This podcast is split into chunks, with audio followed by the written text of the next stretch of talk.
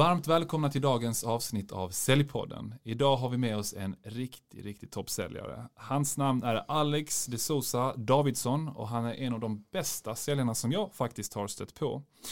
Och han jobbar inom tech, it-branschen och eh, på ett företag som heter Benify som många känner till. De håller ju snart på att nå miljarden i omsättning. Och 85% av kunderna på Benify de består av bolag mellan 1 till 500 anställda och kallas för SME. Small to medium enterprises. Och Alex, han är inte bara den bästa säljaren utan även den bästa säljaren genom tiderna på Benify. Så att nu har jag skrutit loss om dig Alex, men det är jättekul att ha med dig här i podden. Jättekul att få vara med. Hur känns det att vara här? Det känns kul. Ja. Aldrig varit med i en podd tidigare så något Nej. nytt. Lite nervös får man få vara helt ärlig men bara kul. Får se om du är lika bra på att podda som du är på att sälja. Inga höga förväntningar då. Och varför tror du att jag fastnade på dig då som säljare? Att jag tyckte att du var så otroligt bra att jag till och med försökte eh, prata om framtidsplaner här om du någon gång skulle lämna eh, Benify. Det svaret tror jag du har bäst själv, men om jag får gissa bortsett från track record så tror jag det är att jag är väldigt nyfiken på försäljning genuint och vill utvecklas och såklart har höga ambitioner om vart jag vill då. Så jag tror det är väl den kombinationen du kanske har ja, sett hos mig. Hoppas jag tror i alla fall. Ja men absolut. Ja, vi ska ju prata om det i dagens avsnitt. Det är mycket fokus på det här med förtroende och att skapa förtroende. Mm. Och det var en av de sakerna som jag har uppskattat mest med dig. Att du är någon som är väldigt lätt att tycka om och samtidigt så är du eh, vad ska man säga, en hard worker, du, du vill nå dina mål, du är extremt ambitiös och den kombinationen kan också vara farlig. Eh, alltså mm. farlig i form av ens hälsa som vi har pratat om tidigare också. Det här med ja. prestationsångest och allt vad det innebär. Mm. Men det kan också vara väldigt, väldigt bra om man hittar rätt balans eh, på det hela. Men berätta gärna, vem är du med dina egna ord? Ja, men den korta och övergripande informationen är att jag är 27 år gammal, född och uppvuxen strax utanför Göteborg, ett ställe som heter Mölnlycke och bor numera centralt i Göteborg tillsammans med min sambo. Och jag skulle vilja säga för att beskriva mig lite mer ja, men, djupgående som person så skulle jag väl säga att jag är en person nära till skratt som gillar att ha kul, eh, målmedveten, tävlingsinriktad på gott och ont ibland. Eh, men tyvärr också en rejäl tidsoptimist, privat, med betoning privat. Eh, kommer alltid tid till mina kundmöten men eh, privat sett kan jag vara en riktigt jobbig person att ha att göra med. Men vad, vad innebär din målmedvetenhet i praktiken? Ja, men jag tror målmedvetenheten för mig är att jag har identifierat vad är mitt långsiktiga mål. Eh, både karriärsmässigt men också för mig som person. Och därifrån satt olika delmål om vad jag behöver göra för att nå dit. Så för mig är det såklart att jag försöker ju ha tydliga mål för att behålla mig driven. Eh, motivation kommer ju alltid kommer och går som mm. vanligt. Eh, men att ha mina mål och mina delmål gör det väldigt tydligt för mig om vart jag är på väg och hur jag ska ta mig dit. Och, och jag, alltså man pratar ofta om mål och hur viktigt det är, men jag tycker mig uppmärksamma på mina, liksom, mina uppdrag som jag har med företag, att, att säljare inte är så pass bra som man hade hoppats på när det kommer till att sätta mål och följa och skapa delmål. Är det också din upplevelse eller har du en helt annan bild? Ja men det ska jag säga. Ibland mm. känns det som man bara kör på. Mm. Uh, man jagar provisionen eller man jagar en viss titel som man är ute efter och man har siktet inställt där men så fort man kanske får den här frågan om vad är ditt långsiktiga mål? Vad hade du velat göra om tio år bortsett från det du gör nu så är man ganska vilsen. Uh, och många gånger så upplever jag att man har mycket materiella mål. Eh, vilket jag själv har haft väldigt länge och fått behövt ändra med tiden. Mm. Så det ser jag väl ganska ofta hos kollegor och andra branscher. Och om inte jag har fel så har ni haft över 100 säljare, kanske till och med 200 säljare som har jobbat inom liksom small medium enterprise sedan ja, många år tillbaka. Men mm. du är den som har sålt mest genom tiderna under ett kalenderår.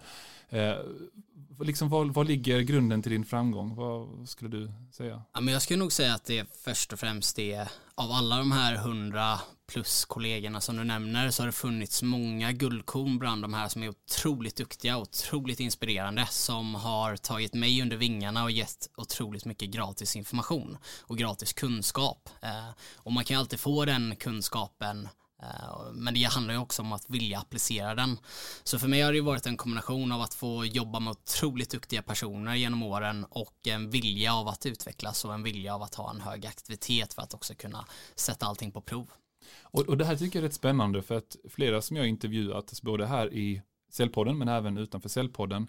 många läser ju en del böcker, tar mycket inspiration, vill lära sig Men det är inte alla som är så pass bra på att applicera det här i praktiken sen. Jag har själv en vän som läser jättemycket böcker men eh, kanske inte riktigt liksom på djupet analyserar vad ska jag göra utav informationen här utan man kanske glömmer bort en hel del.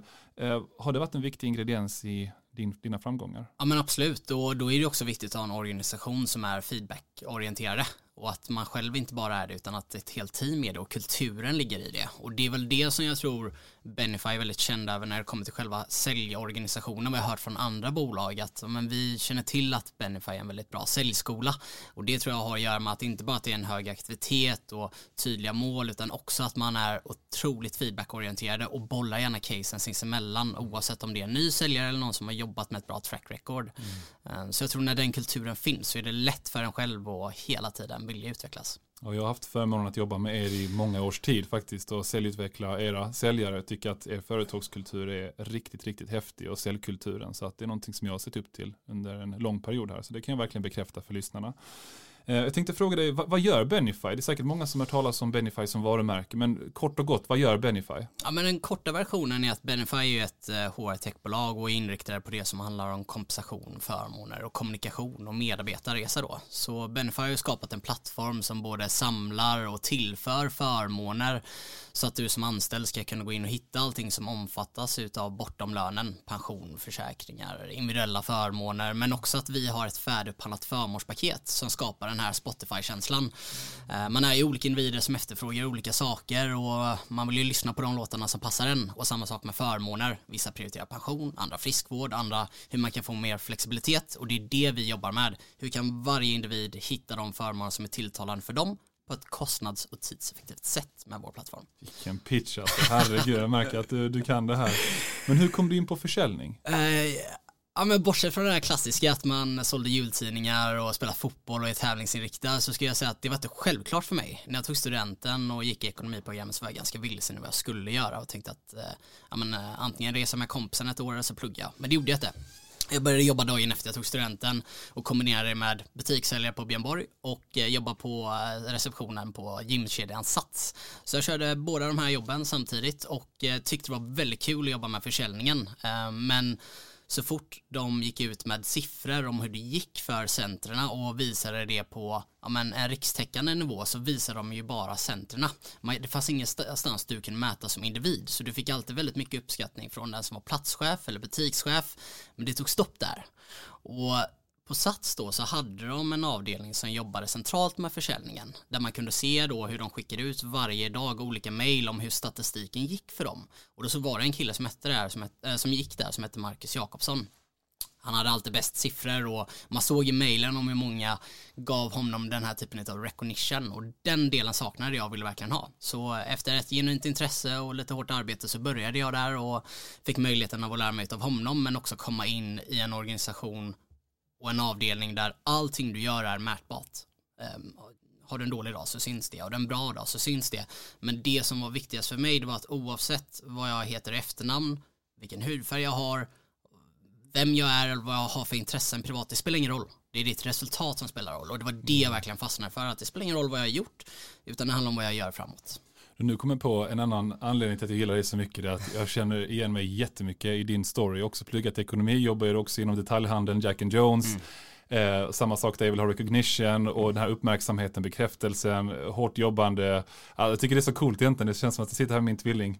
Eh, Storebrorsan och lillebrorsan. Ja, ja, jag vet inte fan. Det kan ju vara storebror och lillebror beroende på, beroende på sammanhanget här också. Eh, vad definierar en toppsäljare enligt dig? Men jag tror många skulle nog säga att det är en självklarhet att den behöver ha en kontinuerlig track record, att du har höga resultat, du sticker ut i resultaten. Men för mig handlar det om att det inte bara är resultaten utan också att du är en självgående säljare eh, med stor självsäkerhet i dina processer som du gör. Att när du är i dina möten så känner du själv genuint att du är den absolut bästa, du är en toppsäljare. Men samtidigt som du har det så är du otroligt ödmjuk och nyfiken. Och det vill säga ödmjuk inför dina resultat, ödmjuk inför att dela med dig kunskapen, men också framförallt nyfikenheten för att hela tiden utvecklas. Slutar du vara nyfiken och blir lite det som vi ofta kallar inom branschen, fat and happy, så sätter du punkt inför din kommande utveckling. Mm. Nej, coolt. Det är många bra punkter man kan gräva lite djupare i. Får se ifall vi hinner med det idag. Vi ska prata en hel del om förtroendeskapande i säljprocesserna. Ja, Um, är det någonting du inte har nämnt om Benify i form av hur ni arbetar med ert sälj idag som du känner att kan vara bra för lyssnarna att veta och kanske till och med inspireras av? Eller säljorganisationer, hur den är uppbyggd? Berätta gärna. Ja, men jag tror för de som lyssnar på det här avsnittet och jobbar inom techbranschen, BTB kommer känna igen sig ganska snabbt. För er som lyssnar och inte är bekant med eh, det så ska vi gå igenom det lite kortfattat. Men för oss eh, som på Benify som handlar om nykundsförsäljningen så är det klassiskt som många andra techbolag. Att du har hand om första kontakten till dagen de signerar avtalet.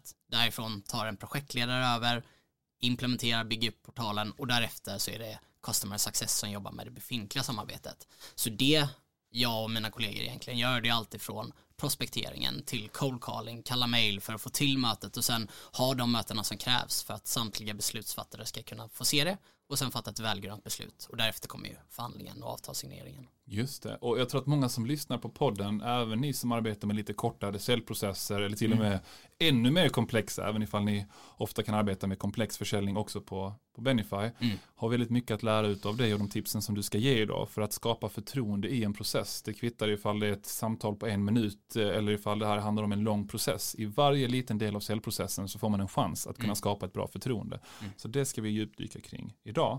Innan vi hoppar in på det och de frågor som jag har förberett att gå igenom där så vill jag höra om ett, en, en rolig säljstory som du har. Eh, En- rolig? Ja, men en rolig säljstory om du har någon sån. Ja men då har jag faktiskt en som eh, är ganska känd på Benify ska jag säga. Men för att dela med mig av den här så behöver vi spola tillbaka tiden till eh, 2019 i februari. Eh, så det var en mörk vinterdag. Jag hade ett jättebra möte med en koncern-vd. Satte tydliga förväntningar i början på mötet. Han avbröt mig, gick ut, sa ingenting, kom tillbaka med alla beslutsfattare in i mötet och sa kör, det här är bra. Jättebra möte, vi skrattade, det fanns jättemycket värden och det fanns tre tydliga fallgropar till varför de inte skulle köpa. Och då sa jag att men de här ser jag som möjlighet att vi kan lösa. Och om vi löser det kommer ni kunna signera ett avtal då? Ja. Så jag fick commitment. Och, Förlåt, delaccepten där. Den här är bra. Jag måste avbryta det direkt och säga så här. Något som är sjukt bra som Alex de Sosa Davidsson gör, det är att när du väl ska gå igenom till exempel en offert eller du vill få en bekräftelse från kunden, ställ frågor som om. Till exempel, om vi löser de här invändningarna du har, om vi löser de här problemen som du ser, har vi då en affär? Finns det något hinder för oss för att fortsätta den här dialogen och inleda en relation? Jättebra tips. Mm. Och då kommer vi nästan till den ännu viktigare delen sen, att ha en tid i kalendern tillsammans. För då ber jag honom att sätta en tid för uppföljning, för att följa upp avtalet och följa upp de här hindren. Eh, och han säger att det går inte, du får mejla mig det så kontaktar jag dig. Och jag står på mig, jag försöker få till den här tiden, till och med så att de andra beslutsfattarna säger till den här personen att sätt tiden med honom nu. Han gör det inte, och han säger jag lovar att återkoppla. Så tänker jag okej, vi kan inte stå och bråka om det här, nu har vi gjort det ett par minuter. Går därifrån, samma dag skickar jag ja, men, möjligheten kring de här tre delarna. Han svarar med att jättebra, jag återkopplar inom sju dagar.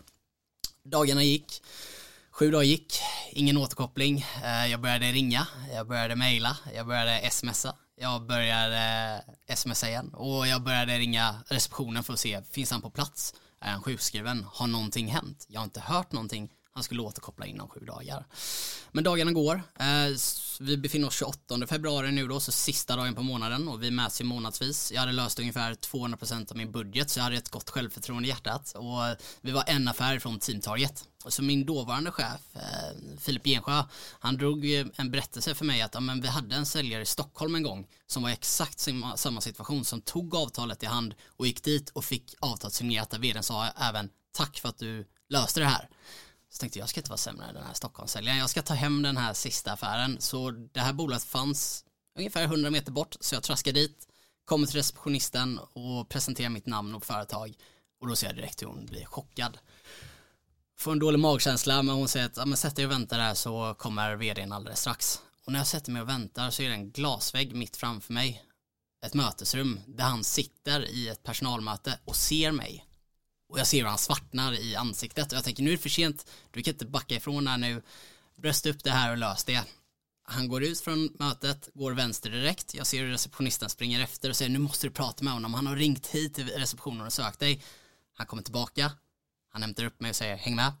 Det är öppen kontorsyta, folk börjar ställa sig upp och han bara stannar mig. Och aldrig sett någon skrika så mycket och vara så förbannad. Och han börjar skälla på mig och säga att jag jobbar 17 timmar varje dag, hur kan du lämna så här många meddelanden? Och jag tänker att nu är det viktigt att stå och utmana tillbaka. Så försöker jag utmana, men du sa till mig och då sa han bara tyst! Är det någon gång i livet man ska vara tyst så är det nu. Och bara körde på. Och det, jag blev bara mindre och mindre och jag såg hur folk stod upp så då tänkte jag att nu måste jag backa och då sa jag det att jag är ledsen att jag har ja, men besudlat mitt namn i den här processen och Benifys namn. Eh, för några dagar sedan satt vi här och skrattade tillsammans och såg många i världen. Nu befinner vi oss här, jag ber verkligen om ursäkt. Och då slutade med att han faktiskt började skratta och sa att vet du vad, hur galet det här än är, nu ursäkta mitt språk, men så sa han, du har verkligen bollar som gör det här. Han var det imponerande.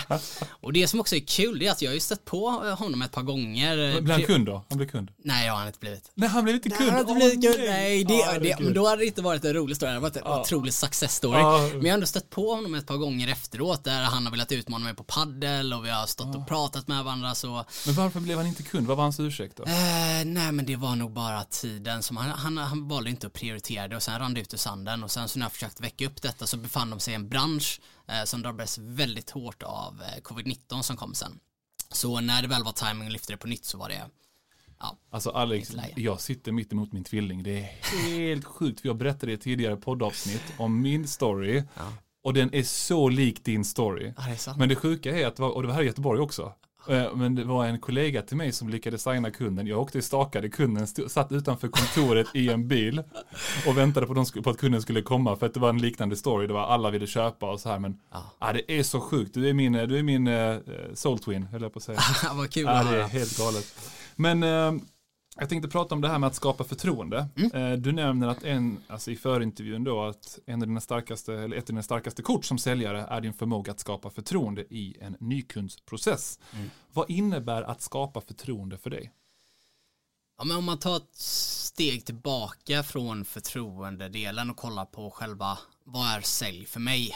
Då är det att du som säljare lyckas från första stadiet i processen till sista stadiet styra hela processen. Processstyrning, det för mig är vad en säljare ska kunna göra. Styra processen och gärna osynligt. Och vad menar jag med det? Jo men det är att kunden inte ens vet om att du styr processen utan psykologiskt tror de att det är de som gör det eller att ni gör det tillsammans. Det för mig är sälj. Men för att du ska kunna styra processen så krävs det ett förtroende. Och förtroende är väldigt svårt att skapa inom nykundsförsäljning. Ett, för att du många gånger inte har någon relation tillsammans sedan tidigare, vilket du oftast har befintlig försäljning. Men om man kollar på en annan svår del är att när du kommer in i mötet så är det ju en tydlig förväntansbild och en tydlig ambition om att du är säljare och du ska sälja. Så förtroendet ligger många gånger i dina händer. Och då om man speglar tillbaka till det här med processstyrning så blir förtroende för mig motorn i säljprocessen. Ju mer förtroende du har, ju snabbare kommer den här bilen ta dig igenom i säljprocessen. För att man samarbetar, man gör det här tillsammans och det är det som ska vara känslan. Så förtroende för mig ligger väldigt varmt om hjärtat som du hör. Eh, det är också väldigt vackert när man uppnår det och man kan få många olika accept under processen som visar på att du har det här starka förtroendet. Och, och när börjar man skapa förtroende i säljprocessen? Första kontakten. Första kontakten. Ja. Och hur gör man då? Men jag, jag skulle säga att det handlar om att vara relevant. Det är ingen hemlighet om att det finns otroligt många duktiga säljare ute och många duktiga organisationer. Men om vi bara kollar inom det som jobbar idag, eh, HR-techbranschen, så finns det ju mängder av olika verktyg. Så de här stakeholders som ofta är vd, CFO eller framförallt HR får ju mängder av olika telefonsamtal, mail till sig och många gånger är det till och med automatiserade mailutskick. Så vad du behöver göra för att skapa förtroende, det är att visa att du är relevant, att du är engagerad och professionell. Så engagerad, det behöver du ju vara, det kan jag gå in lite mer på strax, men också framförallt professionell i det första kontakt i samtalet. Mm. För då får du ett förtroende om att du är en duktig säljare. Och det är ingen som vill träffa en dålig säljare. Nej. Utan vill träffa någon som är duktig. Och också att du är relevant, refererar, du har läst någonting som är kopplat till det du gör och vad de kan göra tillsammans med oss. Så att du sticker ut lite. Du sitter inte på den här ringlistan och bara ringer hej vilt utan du har kontaktat dem för det finns ett värde. Där skapar du förtroende. Och vad innebär att vara professionell? Vad är liksom motpolen till att vara professionell i ett första samtal? Ja, men för mig är det självklart någonting du och jag har pratat väldigt mycket om och nu får du rätta om jag har fel men vem är du? Var ringer du ifrån? Misstänker att du har fullt upp men har du två minuter över? Ja, och om kunden inte har två minuter jättebra, när når jag dig som bäst? Ja mm. men idag eftermiddag. Mm. 14.30, absolut, jag skickar en inbjudan, kanon, då hörs vi då. Men om de har tid, två minuter, en värdefull pitch på 30 sekunder, därefter, min ambition med det här samtalet är att visa hur bolagen inom er bransch och storlek använder detta och vilka värden vi kan skapa för er och sen två tidsförslag. Coolt. Så det för mig jättebra. tycker jag är en eh, bra pitch. Vem är du, var ringer ifrån, har personen en fråga tid, kort och koncist och punchy. Eh, ja, men, du kan också reffa lite till olika kunder och sen ett bra avslut och tidsförslag. Coolt. Och jag har faktiskt korrigerat eh, det här eh, mötesbokningsmanuset som jag lär ut. Eh, för att tidigare, för ett par år sedan, då gick det bra för de flesta säljare att ställa frågan har du två minuter över. Men vad jag märker av nu att marknaden har blivit så mättad på telefonförsäljare som ringer. Det är att det är de som har auktoritet och du har ju auktoritet när du pratar. Ni får ungefär lika hög hitrate på att prata vidare när du ställer frågan om de har två minuter över för att du är auktoritär i ditt röstläge. Så för dig kan du fortsätta göra det men för många andra så blir det mer att man kan fråga om, om, om eh, de har tid men att göra det på ett lite annorlunda sätt. Så jag tänkte jag bara passa på här och kör lite eftersom vi ändå pratar om det här och det- ena är att säga att jag tänkte låna dig någon minut om det går bra. Alltså att det blir typ som en fråga fast ändå inte. Ja okej men vad gäller det? Kanske de då säger. Eller att man bara liksom nämner precis som du säger att skapa förtroende genom relevans. Att du pratar om jag läste det här på er hemsida eller jag såg det här via ett LinkedIn-inlägg. Ehm, och sen säga och det fick mig att vilja bolla en idé med dig lite kort. Och sen bara tyst liksom och vänta på att de svarar. Så att det funkar det du säger, just det här med två minuter om man har auktoriteten annars kan de andra eh, bitarna funka ännu bättre. Men jag ville fråga dig det här med relevans eh, också, det nämnde du ju. Men att nämna referenser, är det en viktig bit för att skapa förtroende både i början och sen i processen och på vilket sätt? Absolut. Eh, Det visar ju på ett att du känner till dem. Du talar, du vet de utmaningar som finns inom branschen och som företag eller som företagsledare, en duktig företagsledare vill ju veta vad gör våra konkurrenter och vad gör de bra. Och det är din uppgift då att kunna ha den kunskapen för att förmedla det. Och då är det viktigt att kunna reffa det i samtalet men också såklart under hela processen. Och det är ju storytelling när det väl kommer i mötena sen men under samtalet referera till branschkollegor eller liknande storlek. Eller till och med grannen som sitter 50 meter bort. Coolt. Och du pratar om engagemang. Mm. Eh, och det tror jag också att man kan visa redan i början av säljprocessen genom ditt röstläge. Alltså just det här självförtroendet kanske, att du är engagerad när du pratar. Men berätta gärna, hur visar man på ett engagemang i processen som leder till ett ökat förtroende? Vad tänker du på när jag säger engagemang? Eller jag använder ditt eget ord. Ja, men jag skulle säga två delar och framförallt det du är inne på nu som du styr själv då. Ehm, gå upp och ner ton, var inte monoton, ta konstpauser när du ska komma med din nästa pitch. Eh, involvera kunden kroppsspråk som är relevant utifrån hur du pratar. Det för mig är engagemang och det kan man ju relatera till när du har varit hos oss och föreläst att när du pratar, du är överallt i rummet, du syns i hela rummet och det gör att man lyssnar på det du säger. Men också att du inte har samma röst genom hela presentationen utan du går upp och ner, tar konstpauserna. Och det är fascinerande. Och det behöver man göra i ett säljmöte för att ha det här engagemanget. Och du sitter längre fram på stolen, du är engagerad, kunder känner verkligen att den här personen vill visa någonting som är värdeskapande för vår verksamhet. Och det är för mig engagemang. Men det kan också vara då om vi lämnar den delen lite mer med eh, ja, men hur du pratar, hur du rör dig så kan det också vara att du får information i samtalet som är otroligt viktigt eh, som du kanske referera till två månader in i processen. Och då kommer ju kunden tänka, hur kommer han ihåg det?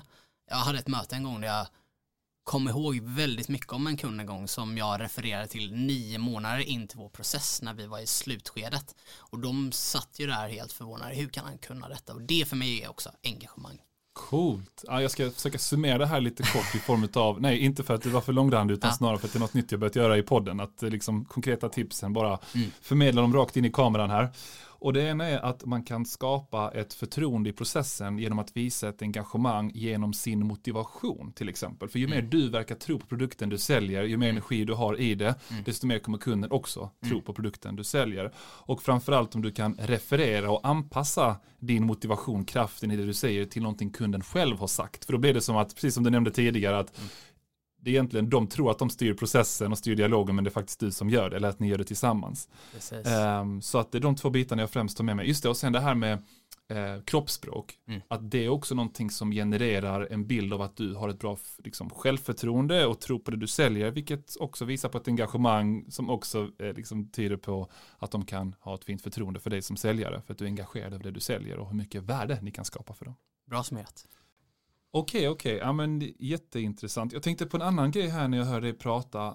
Det är fler tips om hur man skapar ett förtroende. Om vi tar ett säljmöte, eller du Mm. berättar för mig före intervjun att du har så här fem punkter eller fem steg för att skapa ett förtroende i en process. Men Mm. berätta gärna lite mer om, Ja, men jag försökte reflektera över vad är det jag gör som skapar ett högt förtroende. Och där har jag tagit första steget som är engagemang.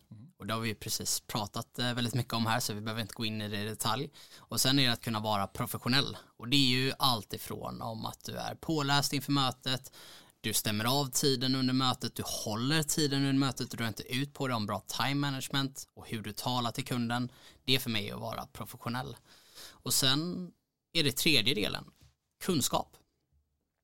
Varför är det möjligt då för en pensionsrådgivare, tänker jag, att sälja in sina dyra fonder som spararen förlorar pengar på, men spararen säger ändå tack så mycket, jag lägger mina pengar här, tack för rådet. Kunskapen, eller rätt sagt okunskapen. I den frågan, spararen känner inte till hur pensionsmarknaden funkar, man litar på rådgivaren och placerar sina pengar där. Och det är väl inte det vi förespråkar, utan det vi förespråkar är kunskapen, ju mer du kan om branschen, ju mer du kan om produkten, ju mer du kan kundens utmaningar och ju mer du kan lösningen till dessa utmaningar, ju mer blir det utbildande och det skapar ett förtroende. Mm jag, jag måste bara, jag har ju en av Sveriges största banker som mina kunder och framförallt deras pensionsrådgivare som jag coachar. Och jag vill säga, jag vill bara säga det att även om vi var lite kritiska, inte kritiska, Ah, men vi ah, skojade lite, så ah. vill jag säga att jag, jag själv faktiskt kommer investera i en eh, pensionslösning via den här banken. Eh, och det är för att eh, ja, men det är liksom tryggheten eh, upplever jag att eh, tryggheten för hela min familj. Liksom. Mm. Så att, eh, och det är klart att det finns säkert alltid billigare lösningar där ute med Avanza och Nordnet och allt vad det heter. Men Mm. då har jag blivit övertygad om att vissa banker i alla fall kan erbjuda ett bättre helhetspaket. Ja. Så att jag vill ändå bara säga Ja, det för de nej, som lyssnar. Så att, förlåt eh, till alla nej, nej, men det, nej, nej, nej, men- ingen fara. Jag, jag uppskattar din, Det var din, ett eh, din dumt ärlighet exempel här. kanske. Men det har varit kul för det är nästan att bjuda in en av de duktigaste därifrån och sitta i podden och diskutera de här bitarna med dig. Jag tror att de hade velat det. Det hade varit Ah, ett, då ett häftigt avsnitt. Ja, jag skulle nog vilja byta ut mig själv mot Rickard Olofsson eller Niklas okej. Englund hos oss så Okej. får de ta den debatten. Perfekt, perfekt, perfekt. Men du, eh, berätta, du, du, eh, just det, påläst, time management. Berätta om det här med time management. Vad, innebär det i praktiken i ett möte och varför är det så viktigt för att skapa ett förtroende? Ja, men innan vi kommer till time management, där, fjärde steget i den den här förtroendedelen så skulle jag säga lyssna och bekräfta kunden. Och det kan du göra i många delar. Det kan du göra i behovsanalysen av att när du får behovet att också använda det här och göra det återigen på ett osynligt sätt. Men det kan också vara när kunden kommer till, med en invändning. Att lyssna, invänd, lyssna på invändningen och istället för direkt komma in med svaret, möt kunden. Säg att men det här är en vanlig fråga och det är ganska vanligt att man är oroande över den här delen och sen utmana lite lätt. Vad skulle vara en bra nyttjandegrad? När du säger att det är dyrt, vad jämför du med? Och det är ju det som är femte steget då, att när du har gjort de här stegen rätt, engagerad, professionell, kunskap, lyssnat och bekräfta kund, då kommer vi till det femte viktigaste steget, utmana kunden. Ibland kommer kunden ha invändningar som de själv inte har någon grund utav. Och vad jag menar med det är att du tycker det är dyrt.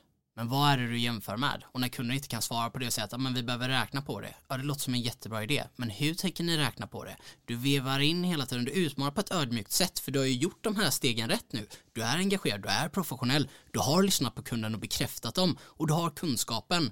Du har all rätt till att utmana kunden så länge du gör det på ett ödmjukt sätt. Och det är utmanandet som gör att i slutändan kunden också får ett ännu större förtroende. För man kan tro att det är tvärtom. Alltså ofta när jag är ute och utbildar, till exempel minns jag att jag har kört en del om Challenger Sales för er och att kunna liksom styra processen och liknande. Och jag har sett dig liksom ofta nicka under de här utbildningarna.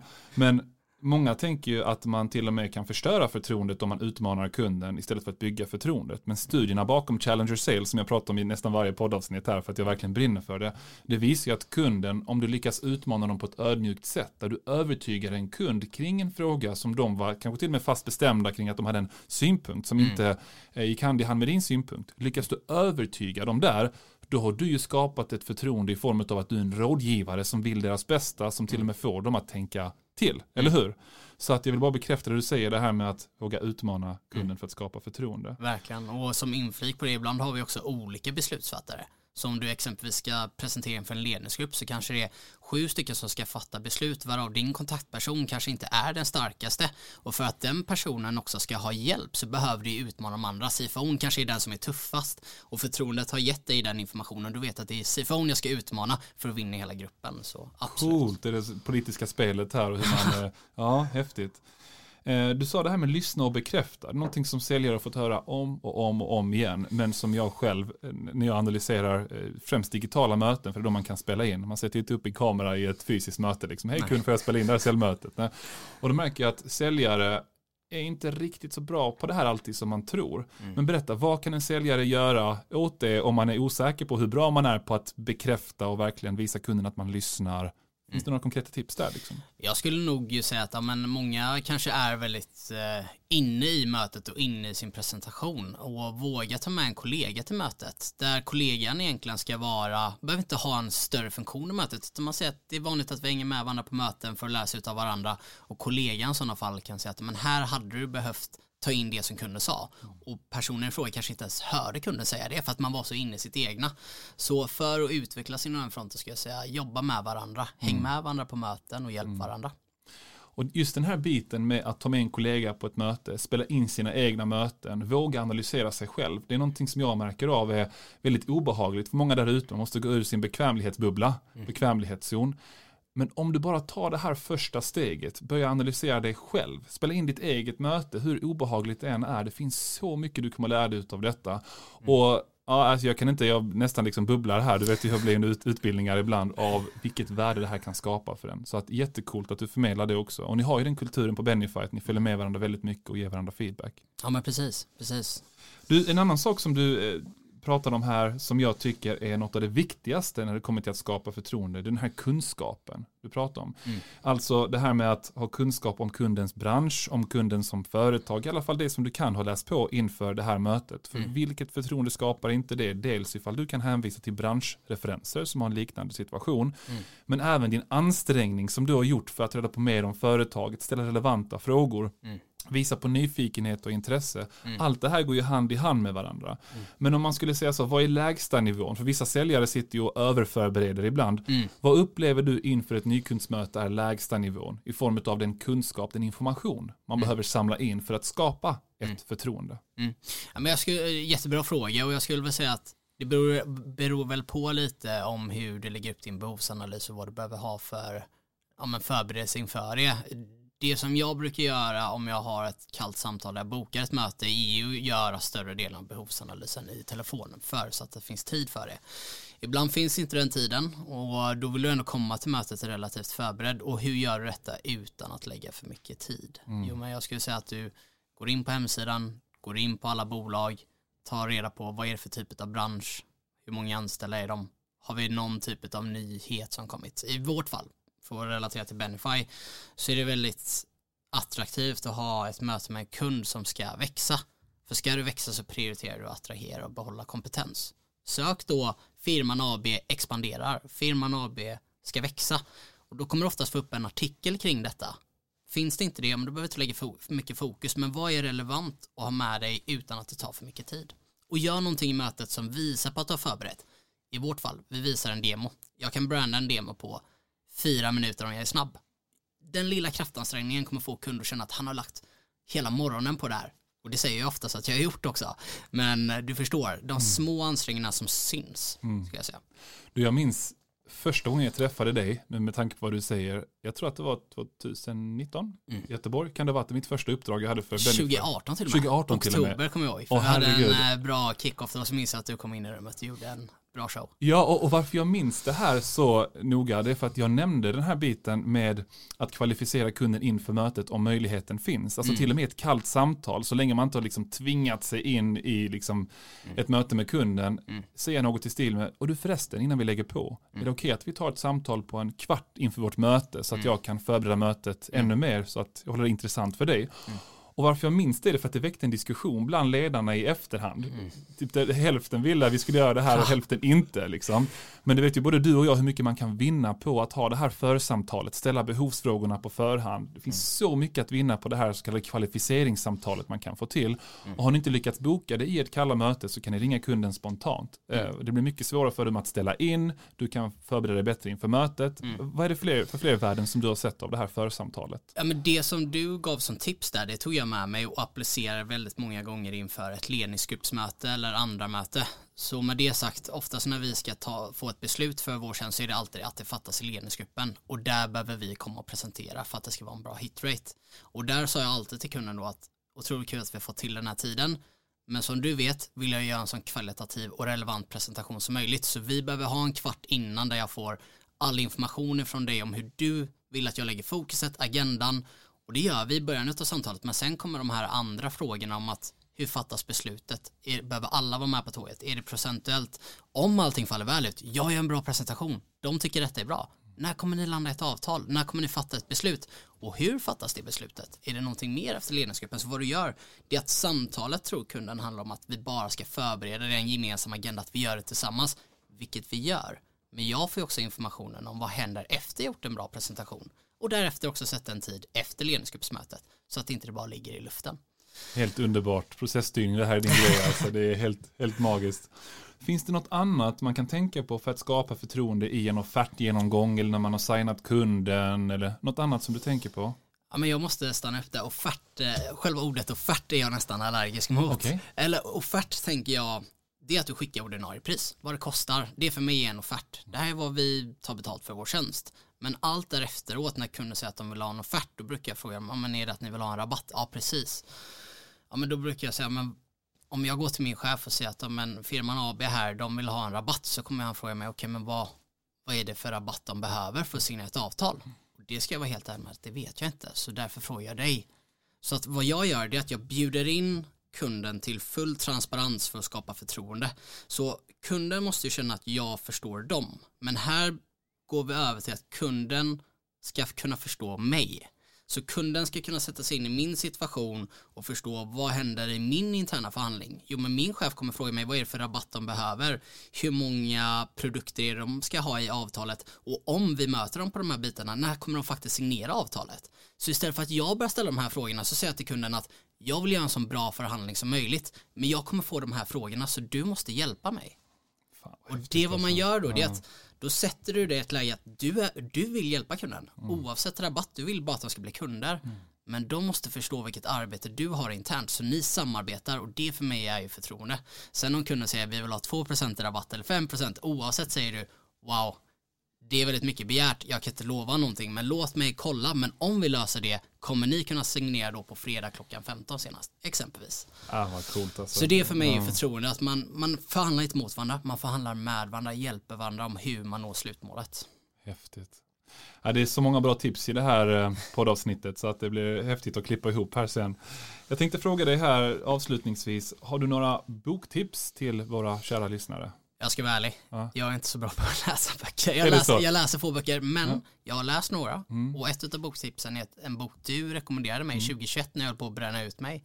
Minns du vilken bok det var? Ja, Munken som sålde sin Ferrari. Helt korrekt. Ja. Den, eh, så varför den boken var bäst, det var ju inte bara för att den var lättläst, relevant, kom rätt i tiden för mig, utan jag gillade också summeringen för varje kapitel. Mm. För någonting jag tyckte var svårt ibland är när du läser en hel bok, är att det finns bra delar här och vart och du markerar dem och får gå tillbaka och läsa. Där fanns en summering bakom varje kapitel och vilka tekniker du behövde ta med dig. Det. Så det för mig var den bästa boken jag läste i och med att den gav mig väldigt mycket efteråt. Alltså jag upplever, bara för att göra lite reklam om den här boken, att mm. många ger sig inte in och läser den här boken förrän efter man har hamnat där du och jag mm. eh, egentligen har hamnat i våra karriärer, att vi har hållit på att gå in i väggen. Både mm. du och jag har haft massa härliga panikångestattacker och varit tvungna att meditera och lära oss de här bitarna. Mm. Men den boken kan skapa ett så stort värde även för de som inte har hamnat där än, bara för att förstå liksom, hur kan jag leva livet fullt ut? Eh, hur mår jag så bra som möjligt? Vad innebär det att sätta mål i olika bitar av, av livet? Så att mm. Robin Sharma, Munken som sålde sin Ferrari, mm. fortfarande min favoritbok i hela världen. Mm. Men du gav även ett citat till mig som jag tänkt på väldigt mycket efter du gav rekommendationen på den boken. Och det var att du sa till mig, Alex, din långsiktiga hälsa är alltid viktigare än din kortsiktiga framgång. Och det, satte, det är ett citat som verkligen hängt med mig väldigt länge för jag var så, så inne i mitt tunnelseende att jag hade bara fokus på nästa mål, nästa mål och såg aldrig det stora perspektivet i det ja. hela. Så det citatet hängde med och utan alltså, att sälja, utan... Nu är det gåshud igen för det här, är, det här är ett citat jag repeterar för mig själv minst ett par gånger i veckan fortfarande. Ja. Så att, och som ni hör, jag tror vi ska vara transparenta om det också, vara transparenta mer här nu 2023 och framåt. Att i den branschen vi är i, inom försäljning, det är otroligt många som lider av detta och det är väldigt få som är transparenta förrän det är för sent. Mm. Jag behövde aldrig sjukskriva mig för att så fort jag var transparent, var på gränsen innan jag gick in i väggen, mm. då visade det sig att det fanns tre andra i min omgivning, fyra andra inom företag som hade exakt samma utmaningar, som hade rätt hjälpmedel för mig och rätt tips för att jag skulle kunna ta mig framåt. Så jag mm. tror våga vara transparenta om när det börjar gå åt fel håll mm. för att hjälpa varandra. Coolt. Och göra det mer normaliserat för det är mer normalt idag att man kommer till det stadiet. Ja. Gud vilket magiskt avsnitt tycker jag i alla fall. Hoppas att lyssnarna uppskattar det här också. Eh, hur tar man kontakt med dig vid intresse? Du har ju ett väldigt eh, spännande namn höll jag på att säga. Väldigt exotiskt namn men det kan vara svårt att stava, stava det rätt. Jag stavar till och med fel här framför dig.